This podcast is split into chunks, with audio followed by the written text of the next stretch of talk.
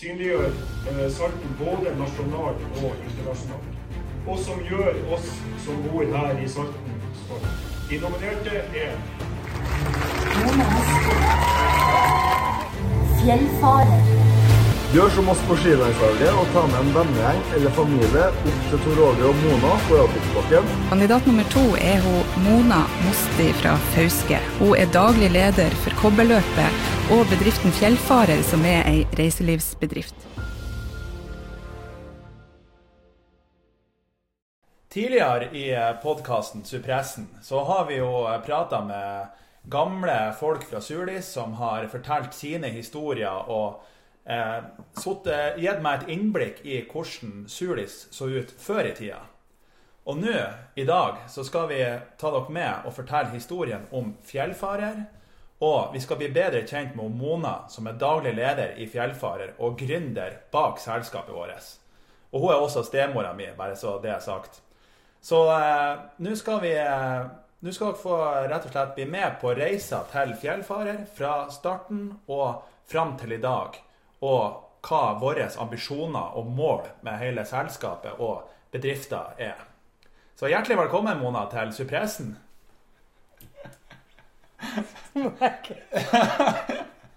Men sånn er det å ha podkast.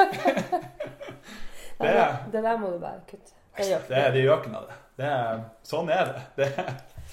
Men eh, for lytterne våre som eh, De har jo, de har jo sett eh, fjeset ditt i avisen. Noen har kanskje sett fjeset ditt i avisen ganske mange ganger. Og nå i det siste så er det stort sett jeg som har lagt ut videoer og, og eh, vært på YouTube og LinkedIn og alt.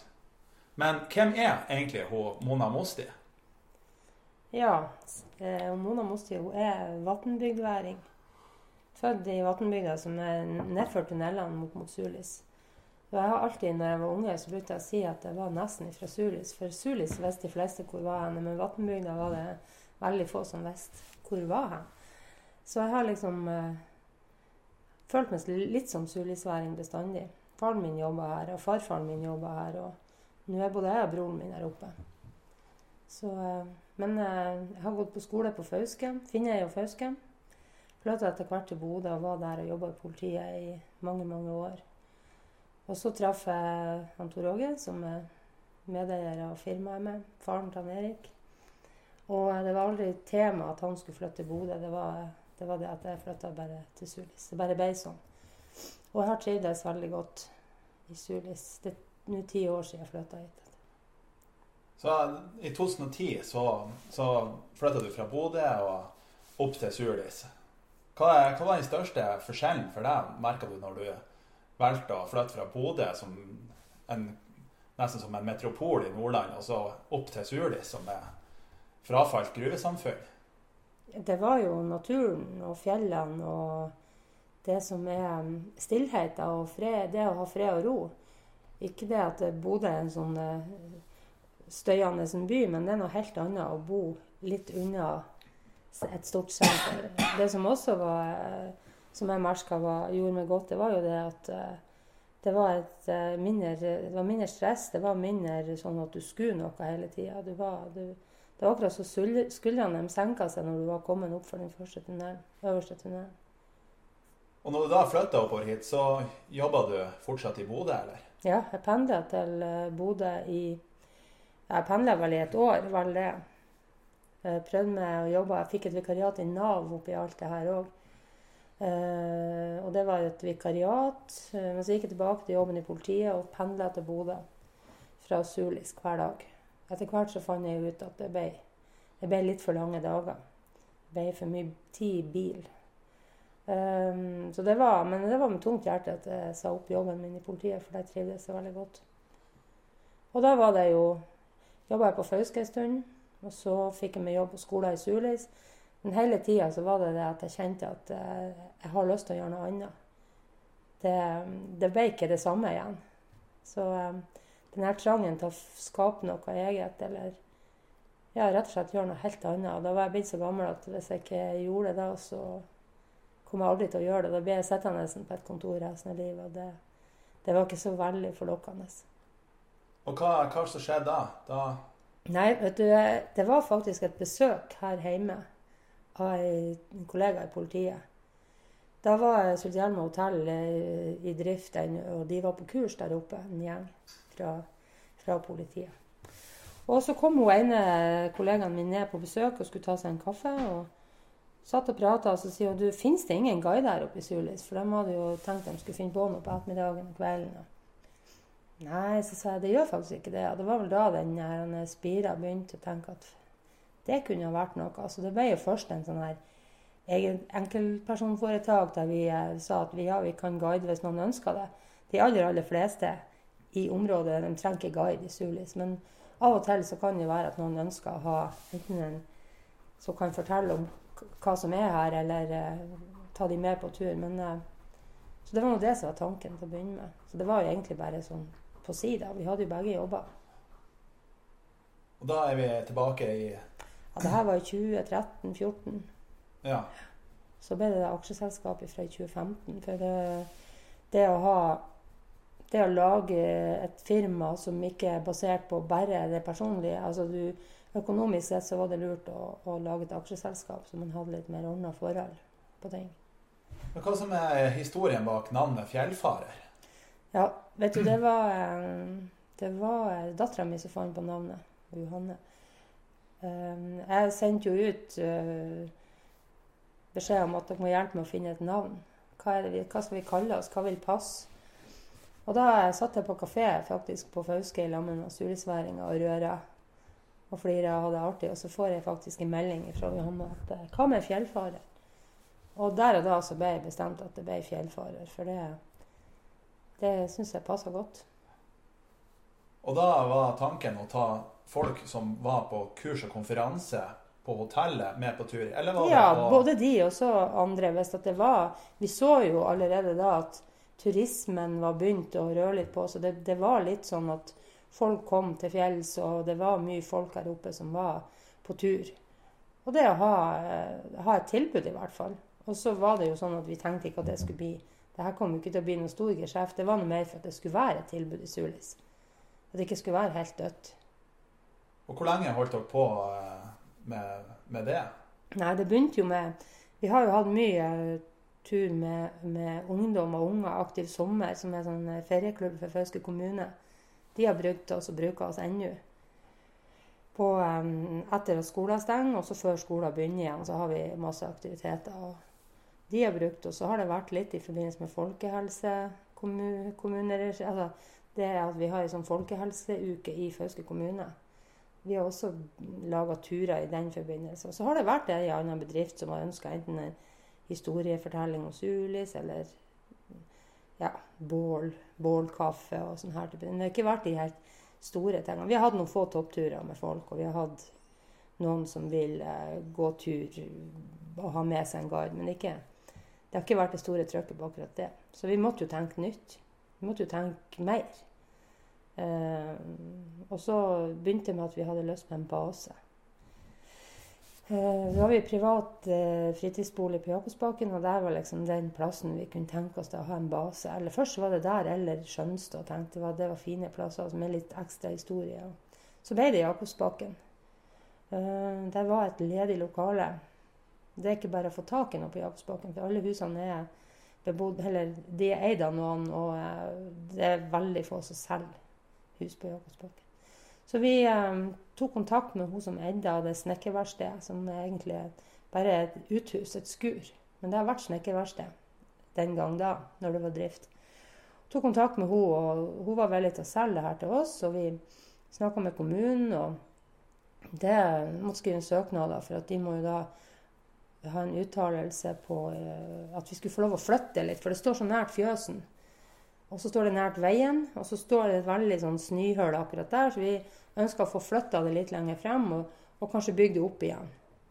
Så det søkte vi kommunen om å få lov til. Og, og kommunen uh, måtte jo da ha en uttalelse fra fylkeskommunen. Og eh, det som skjedde, var det at eh, kommunen sendte en til uttalelse, og så har de tre uker på seg for å si ifra. Når de tre ukene var gått, så trodde vi at nå nå har vi ikke hørt noe, så da er det greit, og da kjøpte vi det her. Men det som hadde skjedd, som vi ikke har fått beskjed om, var at eh, fylkeskommunen hadde fått utsatt frist. Sånn at de kom med en tilbakemelding som var at vi ikke farsken fikk flytte. Eller de ønska ikke at vi fikk ja, flytte og ikke fikk bygge opp nytt. Men eh, eh vi eh, gikk jo i dialog med fylkeskommunen, og det hjelper oss å, å lage en, en, beskrivelse av hvordan, hvordan det kunne pusses opp, og hva som måtte gjøres. Og, så de har vært en veldig god sparringspartner hele, hele veien. Men hun som var ordfører i Fauske, Siv Anita Brekke, den gangen, hun eh, jeg tror hun syntes litt synd på oss at det skulle gå sånn, at, det, at vi ikke skulle få flytte noe. Så hun eh, satte i gang og begynte å jobbe med å se på andre muligheter. Hva er det som er på Jakobsbakken som kan bygges opp igjen? For der er tufta som står. Og da var det da Titanic kom som en, eh, en sånn her idé. Kan vi bygge opp den? Vi var i kontakt med Statskog og fikk uh, festetomt på den. Og, og, det har vi jo jobba med siden i 2016, vel. Uh, Nå har vi jo Nå er det jo uh, like før vi, vi kan uh, begynne å bygge den. Men så er det jo det her med koronasmitte og det som skjer nå, som gjør at ting kanskje blir satt på vent. Det vet vi ikke. Vi må bare se. Men i hvert fall så er den tegna, det er klart, og, og vi har fått inn tilbud på, fra entreprenører som ønsker å bygge. Så, um, Hva er det som har gjort at det har tatt Nå er, nå er vi i 2020, og dere starta med Titanic i 2016. Mm. Nei, det tok tid. En, det ene er jo at først skal det tegnes, og, og så skal du ha kapital til det her. Du skal, du, vi så jo tidlig at vi, vi, to klarer ikke Vi har ikke kunnskap nok for å få, få fortgang i det her. Så, så trenger det både kunnskap og eh, penger, ikke minst. Og da tenkte vi ja, er det, er det mulig å få inn investorer? Eh, er det noen som vi tenker kan, uh, som er litt sånn Sulis-patrioter, som kan være med på som, For det var ikke hvem som helst vi ønska med oss heller. For det er, jo, det er noe som vi har brukt år på å skape. som ikke, det, er ikke, det er ikke så fort gjort å bestemme seg for at du vil ha investorer. Men uh, vi bestemte oss for at vi henvender oss til han Eidisen og han Wenberg, som uh, vi gjennom kobberløpssystemet har blitt kjent med, og som vi vet er utrolig glad i Sulis. Så jeg tok kontakt med dem og snakka med de, og, eh, og oppi det her så var jeg med i et framprogram gjennom Innovasjon Norge og hadde en, eh, en rådgiver som heter Sten Rune Fjærvoll. Han eh, var hjelpa meg gjennom det her programmet, og han også var jo klar på at det å få investorer er ikke farlig.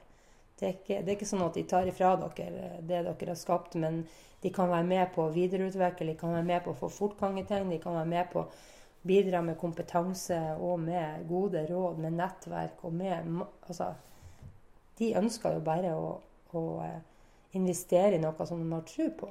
De ønsker å investere i noe, og det er jo det som skjer i samfunnet. at Hvis vi ikke har investorer som deler både kunnskap og penger og, og det som er, så vil det jo stoppe opp.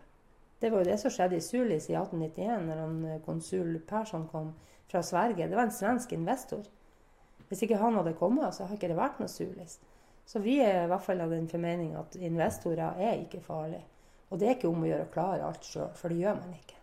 Man er så mye mer berga. Én ting at de investerer økonomisk, men det som har vært det beste for oss, det er faktisk kompetansen og nettverket.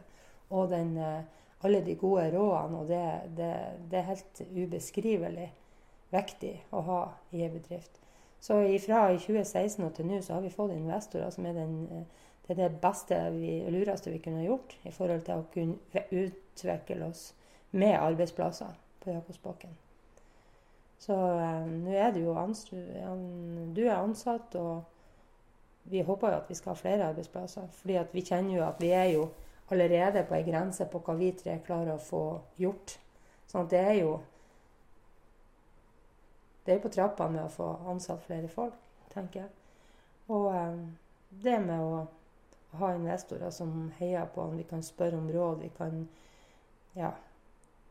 Det er i hvert fall kun positivt.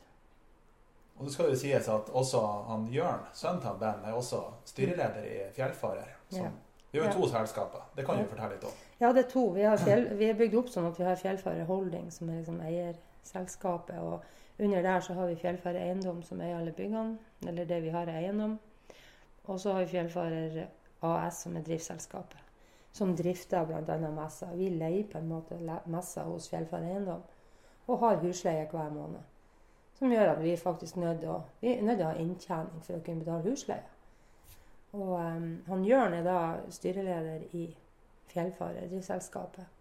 Og bidrar med masse både gode råd og kompetansen sin. Han er virkelig flink. Så det å velge, en styre, velge et styre er også viktig. Hvem er det du har i styret ditt? Hvilken kompetanse har de?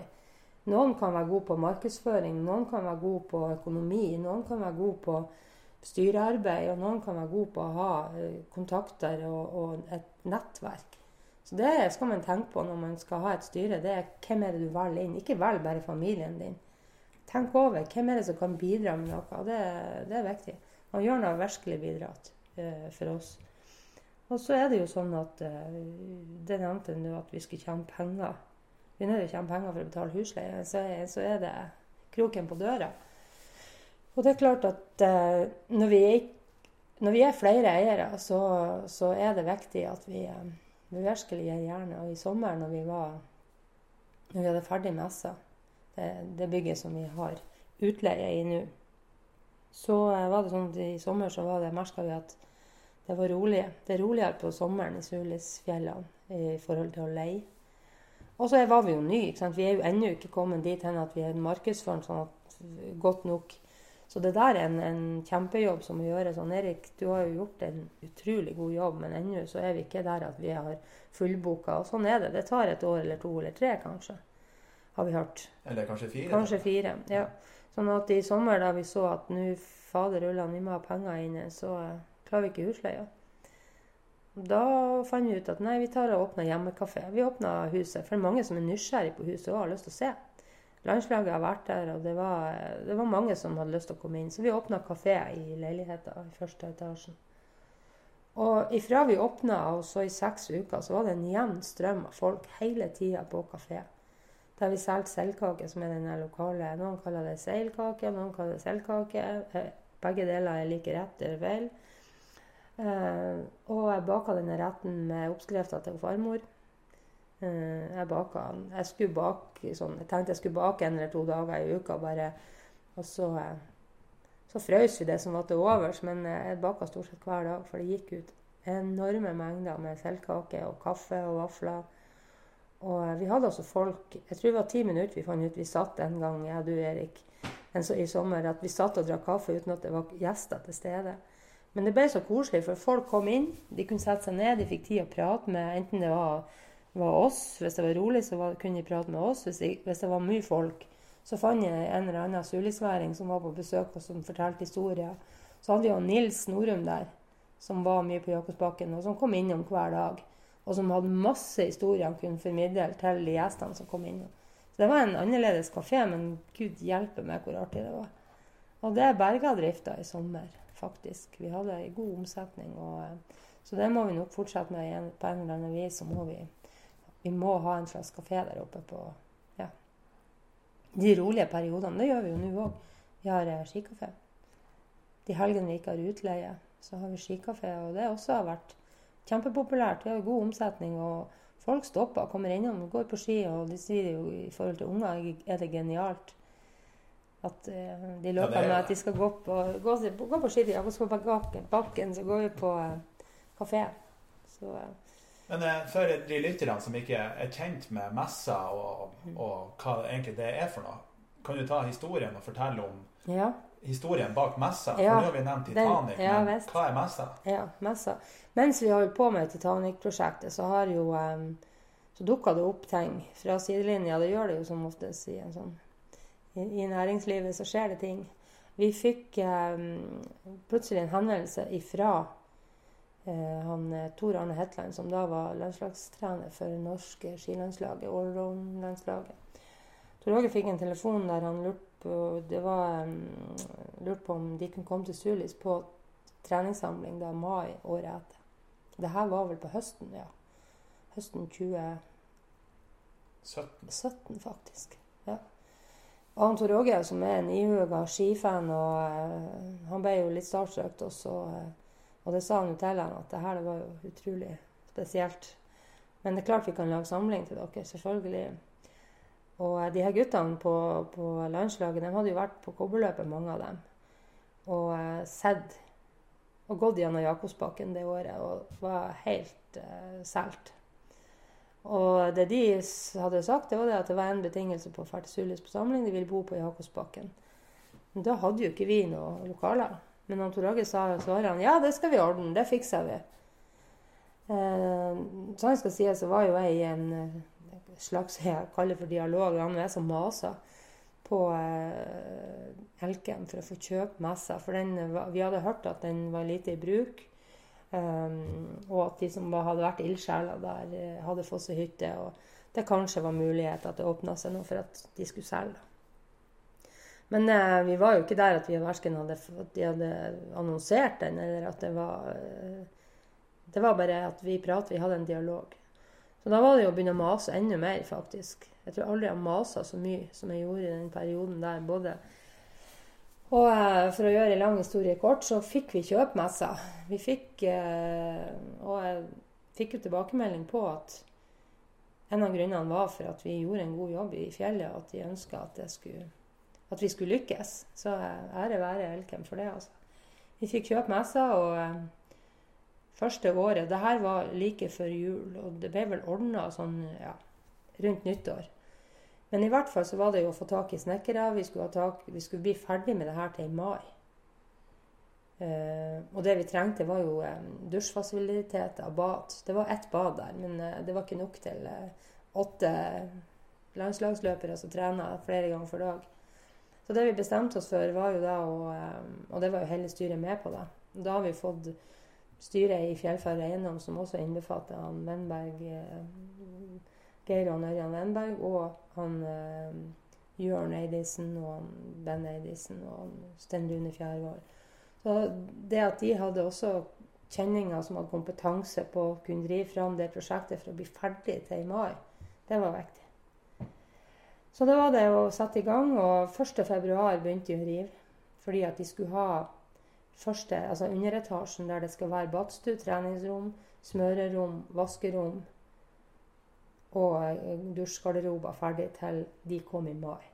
Så eh, den liksom underetasjen skulle være ferdig, og så skulle da første og andre etasjen være eh, sånn som det var.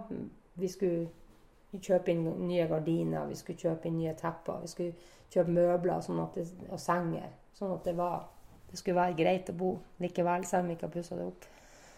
Så da holdt jeg på fra 1.2. Det var det var eh, et firma i Bodø som heter Solid Byggpartner. Det var to eh, stykker fra Litauen som var der hele tida. Så ble det spedd på da med om det var en murer som trengtes. Eller, så de var vel på det meste fire fra det firmaet der inne, og de jobba som bare rakkeren.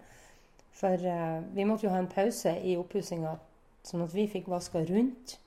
Og fikk rigga det her til i mai når de kom. Så den 20. april har vi satt som en dato. Da må dere være ferdig med første, altså kjelleren. Og det var de. På datoen, på klokkeslettet, så var de ferdige. Og da var det jo å få Da fikk vi saniteten i Sulis til å vaske rundt hele huset. Det var gjort på ei helg. Og så fikk vi rigga. Da brukte vi på alt vi hadde av familie og venner som hjelpa oss å montere senger og eh, vaske sengeklær ble, og stryke de sånn at de var klare. Vi kjøpte jo alt nytt. og Det var gardiner, og det var gardinstenger, og det var teppene og møbler kjøpte vi jo for at vi skulle ha eh, i huset sånn at det skulle være OK til de kom. Da kom de først i mai. 3.-4. mai, tror jeg. Da kom landslaget, og de eh, Vi hadde egen kokk, og jeg, jeg og kokken og Tor Åge og ja, vi hadde flere med oss og hjelpa oss innimellom. Men vi var der hele tida og hjelpa til. Vi sto på kjøkkenet fra sju om morgenen til i hvert fall ni-ti på kvelden. Og det ble kjempevellykket. De har gode senger og gode teppene. Og eh, de møblene som de hadde da, det var faktisk, det faktisk de som står i messa den dag i dag.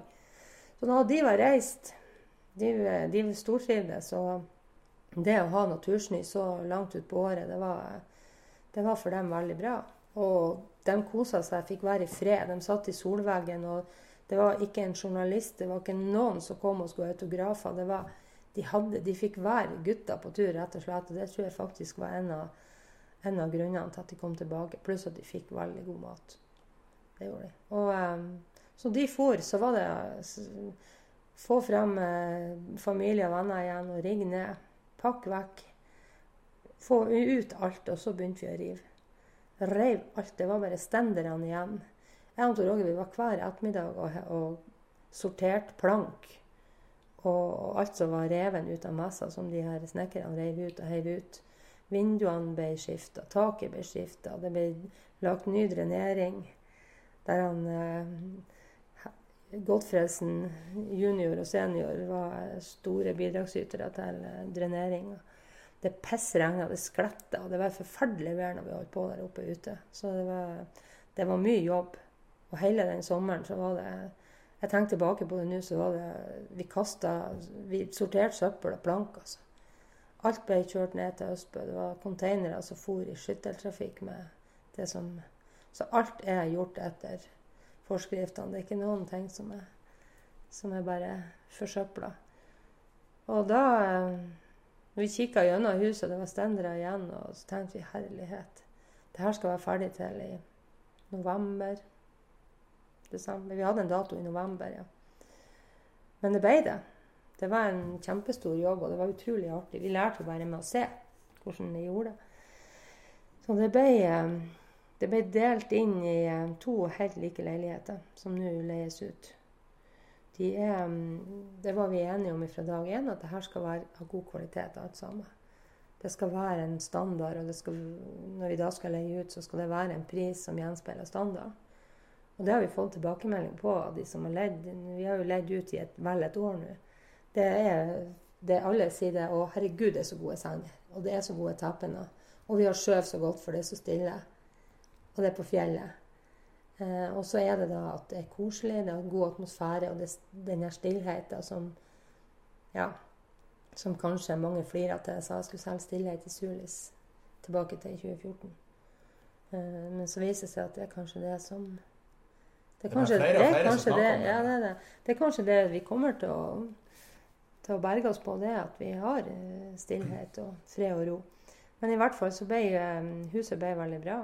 Du har ei velværeavdeling nede og to like leiligheter. De fleste som vi har leid ut, det er faktisk bedrifter som har leid hele huset, og som har innretta seg med bespisning og sosial samvær i ene etasjen. Så har de hatt møte eller samlinger i andre etasjen. Og det har funka. De ligger på rom i lag. Og, men, For det er tre soverom der? Tre soverom i hver etasje. Men det er til sammen åtte sengeplasser i hver etasje. Og er du gode venner, så kan du faktisk ha ti stykker. For det er jo sånne familiekøyer, da. Men um, jeg tror folk er mye ute når de er på fjellet. Så det å ha, en, en, ha det koselig når du kommer inn, og om du ligger en eller to på rommet, det betyr ikke så mye hvis du, har det, hvis du er innstilt på det. Nei, jeg er helt så. enig. Men eh, tilbake til landslaget. For at eh, de kom jo rullende inn her. Noen av Norges største kjendiser i, mm. mai 2018. Mm. Hvordan var den opplevelsen å være vertskap for den? Det var jo spesielt. Det var det jo. Men så har vi jo blitt kjent med noen av dem gjennom kobberløpet. Så vi, vi, han Martin Johnsen Sundby og Niklas Dyrhaug bl.a. var vi jo blitt ganske godt kjent med. Og, og, så vi hadde jo en viss peiling på hva det var de trengte. Vi har jo spurt oss litt om på forhånd. og jeg henta de i minibuss på flyplassen og uh, kjørte dem til Sulis. De var innom i For du kjørte minibussen? Ja, jeg kjørte minibussen. Og jeg tenkte på det når jeg kjørte opp gjennom. Det var jo glatt og vinter. Og så jeg til herlighet, vi skal tro hvis jeg skal være den som kjører grøfta med hele landslaget. Da er det mange som blir sur på meg. Nei da, det gikk bare godt. Neida, og hvis jeg husker vi De var jo innom bl.a. Sparebanken, som var sponsor for dem, og de på den turen opp så var det noen stopp, men eh, når vi kom til Sulis og det var, Første året så var det innom hos Wenberg på lakse, på Saltenlaks på Holstad og fikk se hvordan de laga til røykalaksen. Og så fikk vi jo med oss røykalaks. Og det ble jo bare så populært. Jeg har aldri sett noen som et så mye laks i hele mitt liv. Og de åt laks til alle måltidene omtrent. Røykalaksen gikk ned på høykant. Den, uh, og det var litt artig. Og, um, så vi hadde jo fått ganske, ganske mye laks, og fikk de med seg hver sin sånne side med laks. Røykalaks til, til eh, når de for. Og det er jo en sånn artig historie, for eh, hver gang de har samling, så eh, kommer det bestilling til, han, eh, til Saltenlaks på De må få bringa den røykalaksen til, til dem. Så det er jo kjempeartig. Nei da, altså vi styra på og ga dem veldig god mat. Gourmetmat nesten i alle måltider. og de kom på kjøkkenet, slo av en prat. Eh, De var jo, Spesielt han Emil Iversen. Han, var jo veldig, han gjorde seg veldig god venn med kokken, og det er jo lurt. De fikk en god tone, de der to. Så det var, det var veldig artig og det å være som en mor for dem, egentlig. For det er jo det vi ber Han Tor Åge ble som en far. Du skal legge til rette. Du skal liksom være i forkant og legge til rette for at de skal ha det bra, sånn som du egentlig gjorde. Sånn som jeg husker mor gjorde, egentlig. Hun hadde fem unger som eh, Den ene, sønnen det var han pappa, vi bodde i samme huset, men så hadde hun fire døtre. Og hver helg så kom de hjem med familien. Og det at hun mor la til rette hele tida for at de skulle ha det bra, var jo en av de tingene som gjorde at de kom og møttes. Så det å forstå at folk eh, For å få folk til å trives, så må du, du må være litt i forkant og legge til rette, sånn at de slipper å spørre etter ting hele tida. Det skal bare være der. Da, du, da du, føler du deg velkommen, i hvert fall. Og Martin gikk gjennom isen. og Ja, de kom jo inn. de, har, de for ut, og, det, og det, det har aldri vært så varmt i mai i Sulisfjellet før, uke. Så jeg, altså det var sånn her varmest i manns minne. Det var 20 varmegrader. Og så var det nesten like varmt på natta. Altså du så at snøen tina. Men eh, de klarte jo, de fikk jo gått på ski og alt det her. Men det var det ene dagen hadde de vært oppe på De må jo ha vært oppe opp for eller i det området med Beritelva der. så han Martin Jose Sundby han hadde da eh, klart å gå gjennom ei sånn lita elv, sånn at han ble våt. Så vi sto jo, jeg sto jo på kjøkkenet da jeg hører han kommer trampende og roper 'Mona!' Han hadde gått gjennom og blitt våt, så sier jeg 'ja, må du skynde deg å skifte, så du får både noe tørt' og sånn som en mor ikke sant? Og så hører han han så romsterer oppe på rommet, og så kommer han ned trappa, og så roper han 'Mona!' Ja, sa jeg. 'Jeg drar ut igjen'. Ja, OK, så jeg må ikke fære og trø deg våt igjen. Må du være forsiktig. Så det var, da, da slo det meg. Nå hørtes det ut som jeg var mora hans. Han var åtte år, jeg har vært ute. Og, ja. Men uh, det er klart, de er jo på reise hele tida. Kanskje de har behov for en mor. så, kan, uh, ja. så det var jo litt artig. Nei, du blir jo kjent med dem. Du blir det. Alle de, og de er utrolig rause folk som unner hverandre suksess. Som er gode venner, og som er Ja, det er fint å se. Ja, Dere har jo fått en kjemperelasjon til ikke bare til, til de løperne på landslaget, men også faktisk familiene til de Ja, på du, landslaget. du blir jo kjent med Vi var jo i Seefeld, og da møtte vi jo foreldrene til bl.a. Didrik Tønseth og foreldrene til Martin Oslo Sundby. Og han, eh, så har vi vært i Tydal. For han, eh, Niklas eh, Dyrhaug har jo et Han starta jo et motbakkeløp for noen år siden som heter Storskilen opp. Og eh, det går til Norges nest høyeste grensefjell.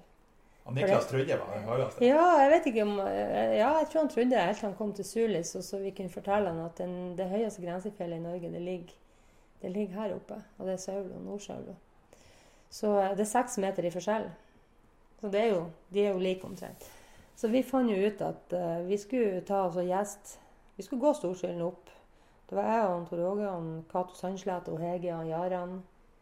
Og så var det han Ben Eidisen og han eh, Svein Spjelkavik.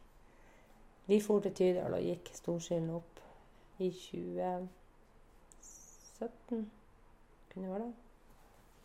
I alle fall, det var en veldig, veldig fin tur. Det var tøft å komme opp der, men det var jo artig å se hvordan de hadde, hvordan de hadde gjort det. Tydal er ei lita bygd sånn som Sulis, egentlig. Og eh, det, det minte meg om veien til Sulis når vi kjørte inn fra Trondheim opp til Tydal. Så skjønner jeg godt at han, Niklas sa når han kom til Sulis, at det var nesten som å komme hjem.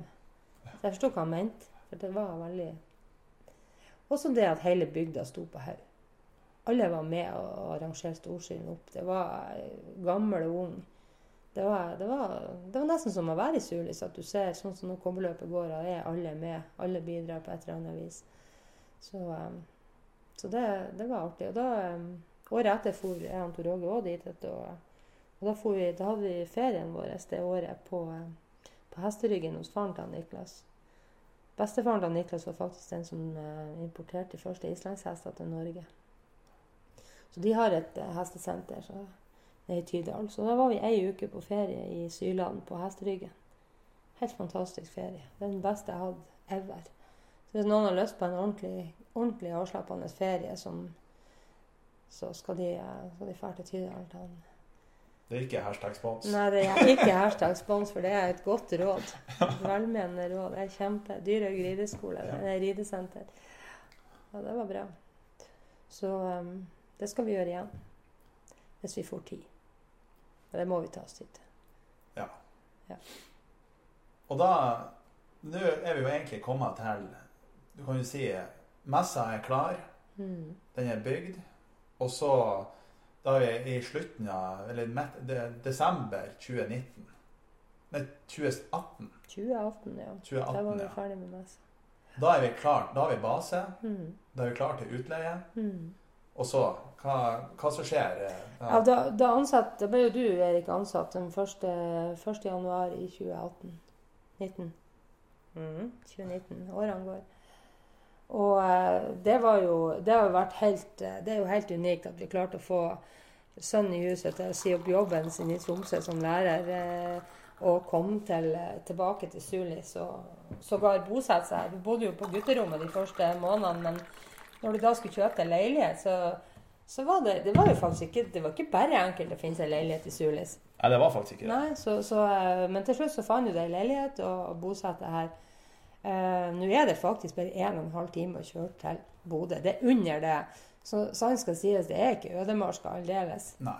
Ikke Og det eh, du kan bo i Sulis med en lav husleie og et eh, si, fin, fin leilighet, og så eh, har du en, vel en time, så er du i Bodø. Ja. Eller en halvtime, så er du på Fauske. Det er jo ikke noe sak. Nei, nei, nei. Og eh, som mange bruker å si når de drar til Sulis og kommer hit første gang, så sier de at eh, reisa starta faktisk i Bodø. Fordi at det er en utrolig fin natur å gå, så du kjører gjennom hele veien fra Bodø. Når du kommer til eh, Moen og kjører inn i tunnelene Det er jo spesielt. Det er jo der den, den eh, jernbanen gikk. Så veien til Sulis han er faktisk freda. Han er freda av Riksantikvaren. Og det Hva- Han, eh, vi hadde jo besøk av en reiselivskonsulent som heter Mm. Børre Berglund, Mm. som er en av ja, kan vi si de største guruene innenfor Mm. reiseliv i, i Norge. Ja. Og han beskrev jo den veien som eh, fjordview. Det som er sammen med de feriene i Geirangerfjorden og Mm. de opplevelsene der. Mm. Det, at det kan sammenlignes med den opplevelsen. Ja, for du må, ja, du, må, du må tenke deg Kanskje må du få fortalt Jeg har jo vært med i noen busser, vært guide fra Fauske og så, vært med bussen opp til Sulis. Og det også har vært eh, positivt, for at da kan du fortelle om de forskjellige plassene på veien opp. Du gjør reisa til en litt mer spennende, sånn at du faktisk ikke sitter og, og sover eller uh, bare tenker at det er en forferdelig uh, smal vei og det er kronglete. Men det er faktisk en fin tur. Så uh, jeg syns jo sjøl at det blir bare finere og finere jo lenger opp du kommer. Og når du kommer ut da, Når du får utsikta mot Sulistoppene og du kommer ned, med, ned i Skjønstadalen, det er så, så, så fint at Ja, det er, det er en opplevelse. mm, Det er det. Og av og til så tar jeg meg sjøl. Jeg kjenner at jeg kan, jeg kan rett og slett bli rørt. Bare enten jeg går tur eller hva det er jeg gjør, og plutselig tenker hvor heldige vi er som kan bo her. Og så skjønner jeg ikke hvorfor folk hvorfor folk sa til meg når jeg flytta hit at Har du flytta til Sulis? Skal du bo i Sulis, liksom? Det var akkurat som du trodde. Det var nummeret før jeg ble henta av noen. Men eh, men nå så er det mer sånn Ja, du bor i Sulis. Ja, det, det blir så bra der, og det, det skjer så mye positivt. Så det jeg har fått en litt annen jeg, jeg tenker at det er litt kult. Hun sa det, hun, Ida, Marine, hun, Ida Pinnerød, hun sa faktisk her vi var på et møte, så sa hun at det er kult å dra til Sulis. sa hun. Så, og det tenker jeg òg at det, det er kult, men det er en fin plass å være og en fin plass å bo. Nå sporer vi litt av. Det var Ja. den der eh, starten på, eh, på Vi kan, vi kan dra den tilbake dit vi mm. egentlig, der vi Ja. egentlig var. Det var jo det med oppstartsåret. Mm. Vi, vi starta jo eh, Messa er klar an- eh, 1. desember 2018, sånn cirka. Og vi, Ja. vi, vi starta 1. januar 2019. Mhm. Da starta jo på en måte alvoret. Ja. Da har vi løpende kostnader, vi, Mhm. har, eh, vi har presset på oss for å få Mhm. Nå må det skje noe, for nå har vi- nå er vi i gang. Nå er vi i gang, ja. Nå starter alvoret. ja. Og hva, Du skal ha lønn. Jeg skal ha lønn. Nå, nå, nå har dere gått fra å være eh, eh, et selskap med, der dere satser på guiding, til å bli et selskap som eh, bygger opp eiendommer. Og nå eh, skal- nå er det, nå er det, nå starter destinasjonsbygginga. ja. Dere har store løpende kostnader med lønn til meg. Ikke at den var veldig stor, men, men den er Det uansett er faste kostnader. Ja. ja. Og hvordan, hvordan har den erfaringa vært med å gå fra egentlig å jobbe mest for seg sjøl til å bli leder for andre, og bare ta hele den Ja, det, var, det, var, det var spennende. Først så var vi jo stolte over at du kom hjem. Eh, og det var veldig artig å se for en entusiasme. Og det at du hadde så trua på det her, det tror jeg det er noe av det beste. Det, det, jeg tror ikke vi har vært der vi, var, vi er i dag hvis ikke du hadde hatt engasjementet og kom og, og tok tak i lag med oss. Så har det ikke vært på samme viset. Eh, Jeg, vi, jeg vet ikke om vi har klart oss. Så i hvert fall måtte vi ha ansatt noen som eh, Å finne noen med samme engasjementet, det tror jeg skulle blitt vanskelig. Eh, og så var det jo å gå på med krum hals og markedsføre, og markedsføre på de måtene som Jeg var jo imponert over alle de, de timene du brukte på å studere hvordan, hvordan skal man markedsføre, hvordan kan man gjøre det, hva er det som er lurt å gjøre, det å sette seg inn i de nye måtene å markedsføre på. Og eh, det, var, det, det er jeg imponert meg. Og så er det jo det som har gjort Du har vært uredd, du har pe- peka på dører, du har vært ute. Du har til og med vært på Mo i Rana og peka på dører. Du har vært i Oslo og bedt om møter. Du har vært frampå hele tida. Så det har for meg vært det, det, det har vært imponerende. Og så har det jo gått sånn at vi har fått kunder. Du har skaffa deg et nettverk. Og det er jo alle de tingene som har skjedd første året, har vært med på å gjøre at vi er blitt litt mer kjent. Eller ikke litt, men vi er blitt ganske kjent. Og vi har hatt ganske bra belegg eh, til å være første året. Men hvis ikke det har vært for at man, eller at du var frampå at ja, og så er vel jeg som har vært den her som hele tida måtte ha sagt nei, fordi at økonomien har ikke vært sånn at vi kunne gjort alt som du har ønska. Men det er jo godt å vite at du forstår det. det. Det er ikke sånn at du blir sur for at nei, det kan du dessverre ikke få lov til, for det er ikke penger. Du forstår det. Og så gjør du, finner du måter å gjøre ting på, så du greier det likevel. Og det har imponert meg mange ganger.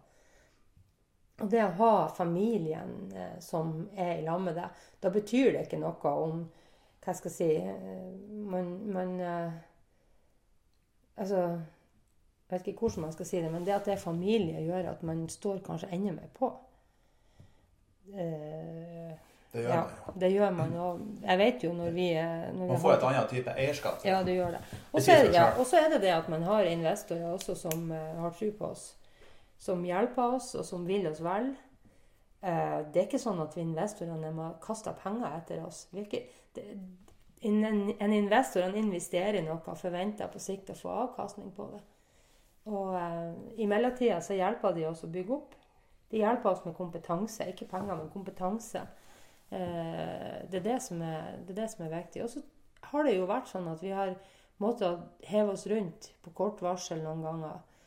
Du er jo mester i å fikse og ordne, og du Det at du er alltid fra stuepike til at du er eh, salgssjef Du må ha mange roller, det, og det er jo det, det, er det som er viktig å, å, å takle, at du kan gjøre forskjellige ting. Det er kanskje litt sånn det er for å være gründer generelt. At Ja, man må, tror jeg veldig mange opplever det samme. at man må være fleksibel og tilpasningsdyktig. Og, Ja, og det er ikke så lett hvis, at du hvis jeg skulle ansatt en salgssjef, en salgs- og markedssjef, som ikke var familie, som ikke, som ikke forsto det her, så hadde det, vært, det har ikke vært liv laga. For du må faktisk gjøre alt. Sånn som når vi skal gjøre rent i, i messa etter at jeg har vært utledd opp og nede, så har vi jo prøvd å ta tida, og det går tre timer. Det er vi tre stykker som holder på. Så og vi har jo ofte hatt utleie i helgen nå. Ja. Mm. Det kan jo, klokka kan jo bli kanskje sju-åtte på søndagskvelden før, Mhm. Ja, før jeg kommer fra Bodø hvis jeg hadde vært på fest eller noe. ja, ja. Så Sånn at det er å jobbe og vet og, og, Men det har vært liksom greit. Vi har forskjellige oppgaver. Vi har de forskjellige ansvarsområdene inne i messa som, som skal gjøres rent. Og vi vet hva vi skal gjøre. og Noen ganger så, så hjelper vi hverandre selvfølgelig hvis vi blir ferdig fort. og sånn. Og noen gjester er jo veldig utrolig sånn at nesten rent når de drar. ja, det er jo helt sjukt noen ganger. Ja, sånn at det, men jeg ser jo at folk kommer tilbake. Det, en, det er folk som har vært flere ganger nå.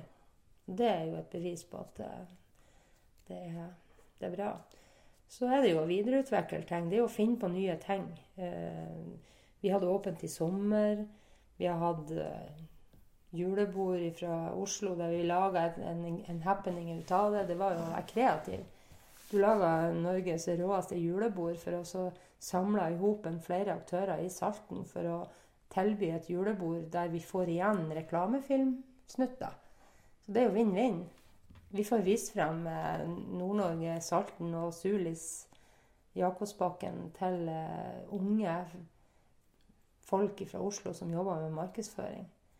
Og så får uh, Det der det var jo helt fantastisk. Ja, det var det. Det var lurt. Og det altså å komme på sånne ting og gjøre, prøve å være utradisjonell og ikke gjøre ting som har vært gjort hele tida. Um, men så er det jo også sånn at uh, når vi bor på en liten plass, så er vi avhengige av at vi blir heia på av lokalbefolkninga òg. Det er faktisk viktig for meg, har det vært, å føle at uh, folk i Sulis syns det er OK, det vi gjør. Så, eh, og det at eh, lokalbefolkninga faktisk eh, støtter opp, det er kjempeviktig. Det er ikke, det er ikke, det er ikke en selvfølge at vi skal etablere oss i Sulis. Vi kunne jo etablert oss i Folda. Vi har jo noe der òg. Men det, det, det, er viktig at alle Vi er tre aktører i fjellet. I tillegg til så har du jo lag og foreninger som Jeger og Fisk og turistforening og alle som Men at alle sammen eh, å si, jobbe i lag. Og nå har vi jo det her Opplev Sulis-prosjektet som, som, går på aktører i Sulis. Og det er viktig. Og det er viktig at vi fremstår som en plass der det er bra å være. Vi må bare, Hvis ikke vi kan uh, si noe positivt, så må vi bare la være. Vi må, vi må, må framsnakke plassen. Det er kjempeviktig. Se hva de hva de har gjort på Andøya. Det er kun positivt. På ei lita bygd så har det vært utrolig hva de får til der. Så, um, skal du ta den telefonen? Ja, jeg skal ta den i ja, telefonen. Da tar vi en pause. Da. Ja. da er vi tilbake etter en liten kunstpause med telefonen med mm. en av investorene.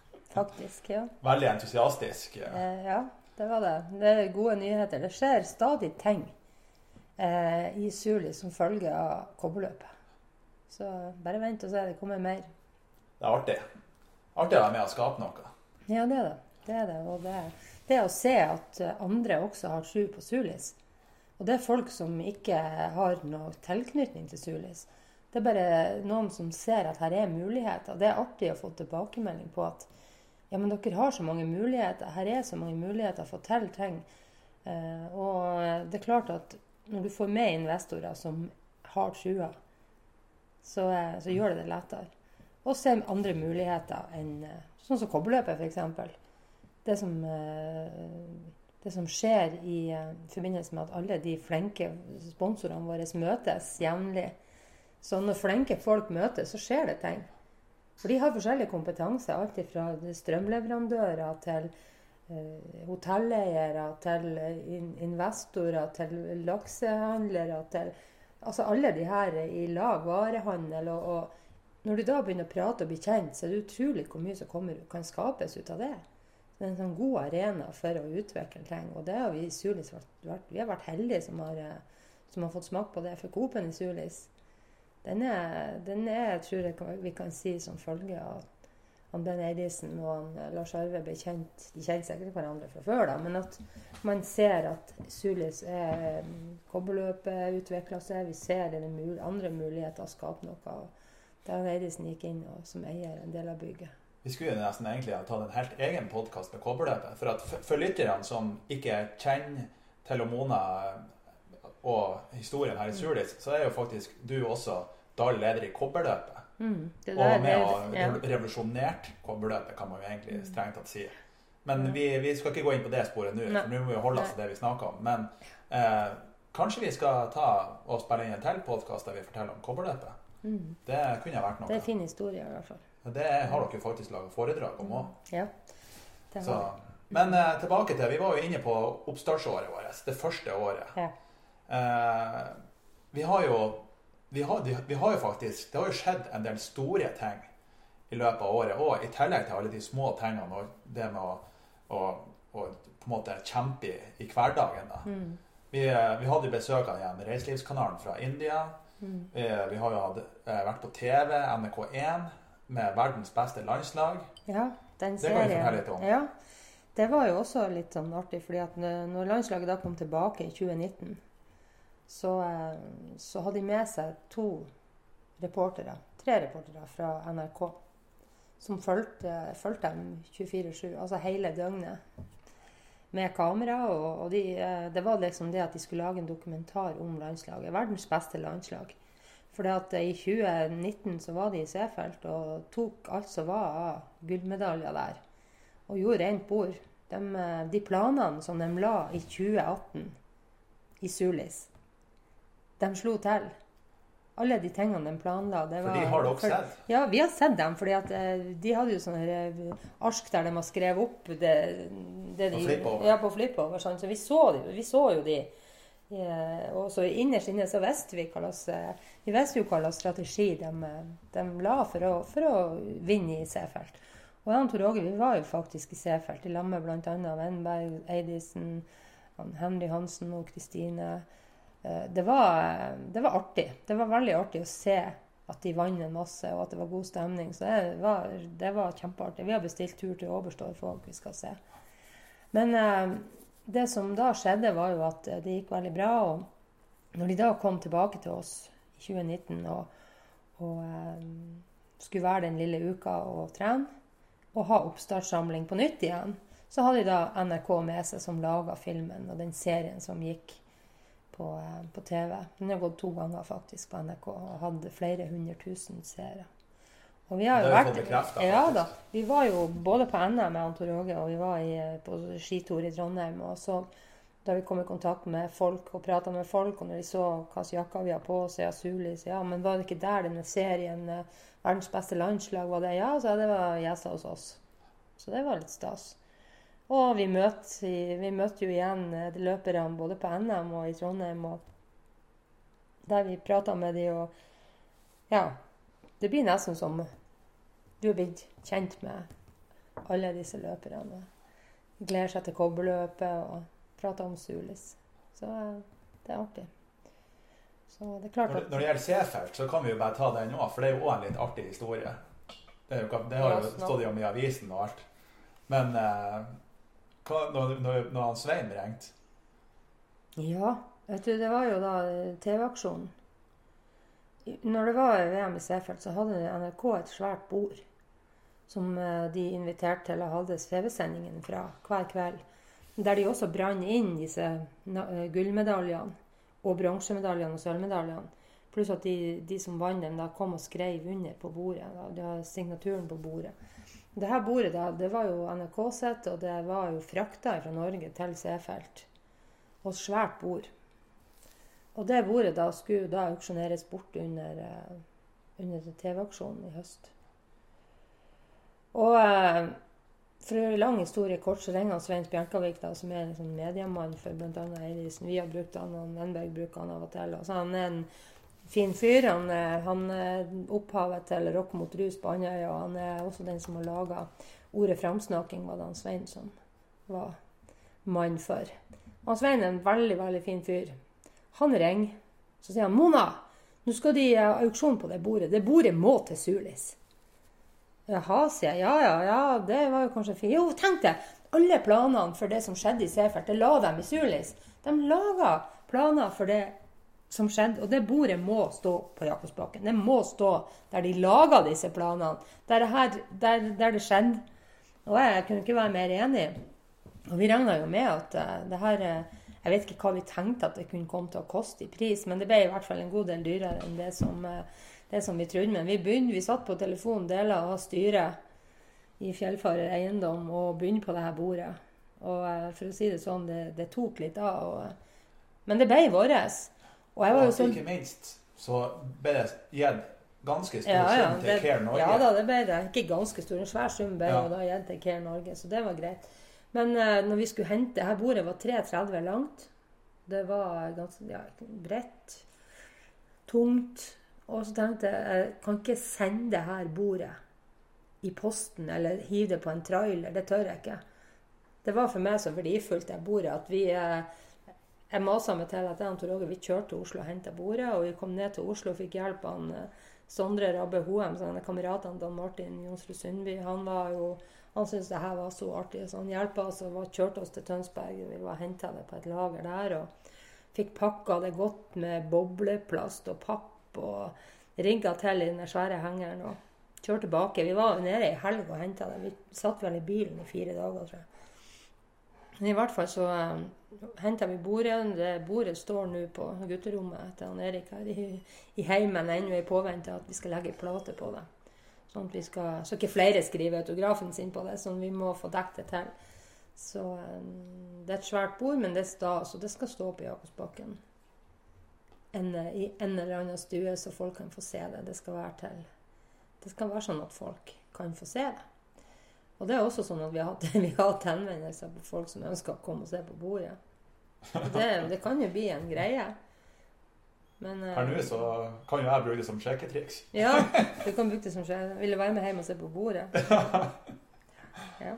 Altså, det bordet- Men det var jo et litt artig sånn sidespor. Ja, Det er jo det er et bord som kan bli en attraksjon på. ja, det fins bare et sånt bord. Ja. Og det er jo ikke hvert VM at, eh, at eh, skiløperne våre tar, gjør rent bord omtrent. Nei, det er jo tidenes beste VM som noen gang har gjort, og det er jo mest sannsynlig så vil det jo aldri komme til å gjøre det så bra igjen.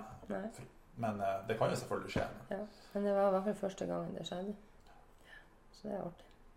Nei, så det, det som vi kan gi folk et lite innblikk i Folk ser jo ting sånn som verdens beste landslag. Eh, De får det Vi er titt og ofte i, avisen i en eller annen form. Mm.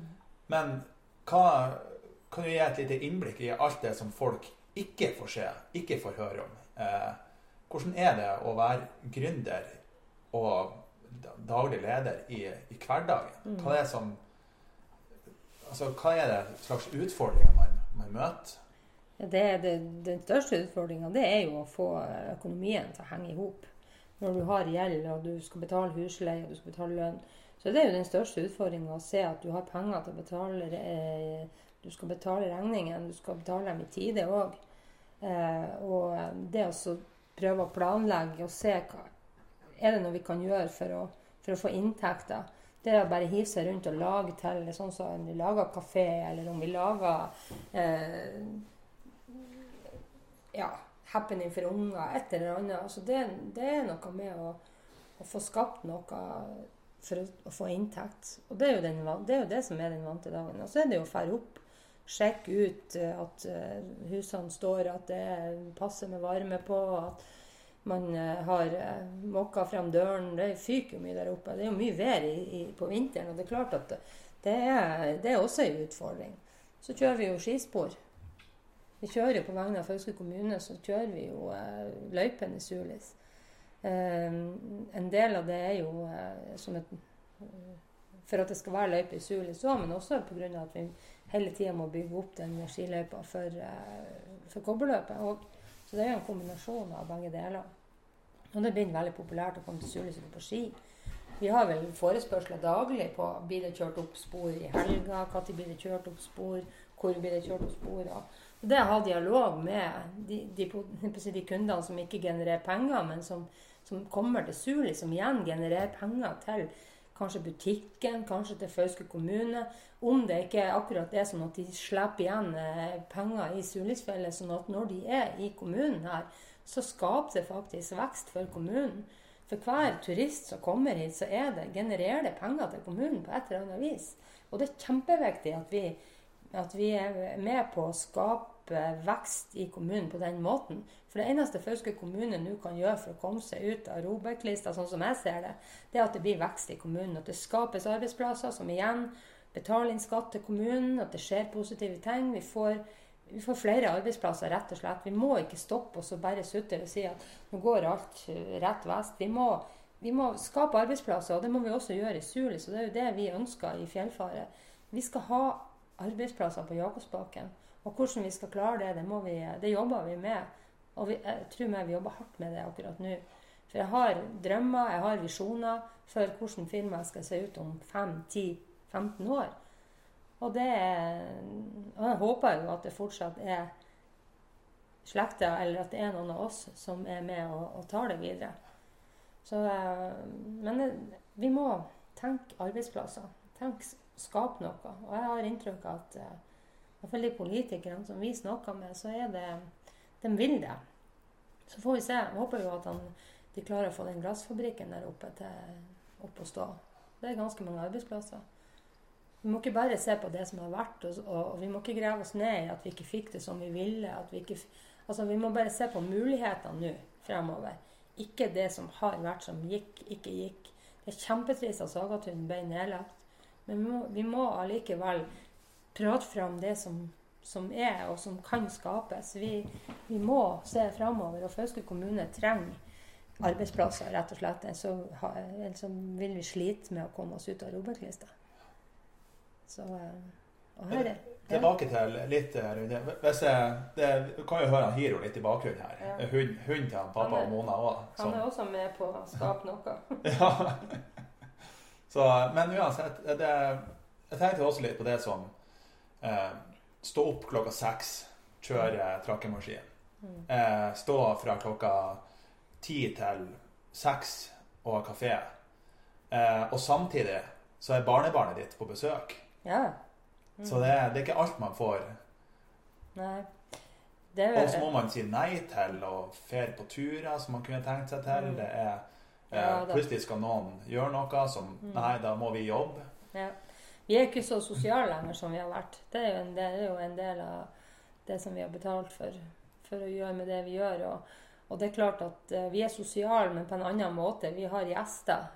Og jeg har kanskje sånn sett fått flere, større bekjentskapskrets men den her sosiale biten som vi som jeg kanskje savner litt med, med venner og familie. Den uh, håper jeg kommer tilbake etter hvert.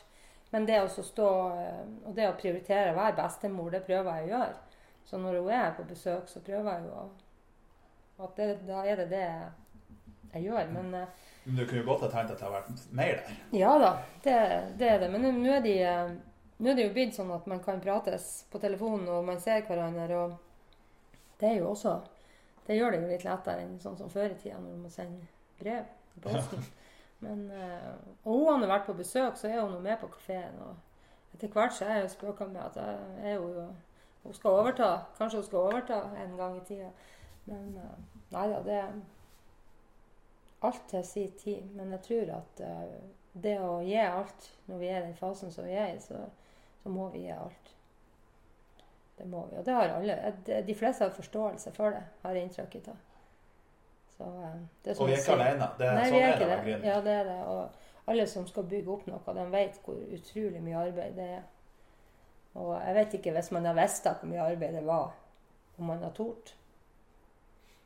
Men, men så er det jo sånn at det skjer ting underveis òg som ikke vi har tenkt skulle skje. Sånn som sånn som det med å eh, skulle ha eiendom og skulle ha en base. Det var jo sånn som kom etter hvert. Så, men det er viktig å ha gode hjelpere. God familie, familien hjelper og støtter. Så er det faktisk godt å Man må ha en heiagjeng. Må ha noen som backer opp, og som, som sier at det her er bra, det dere gjør. Man trenger å ha noen som, som eh, heier på oss. Det gjør alle som skal drive med noe.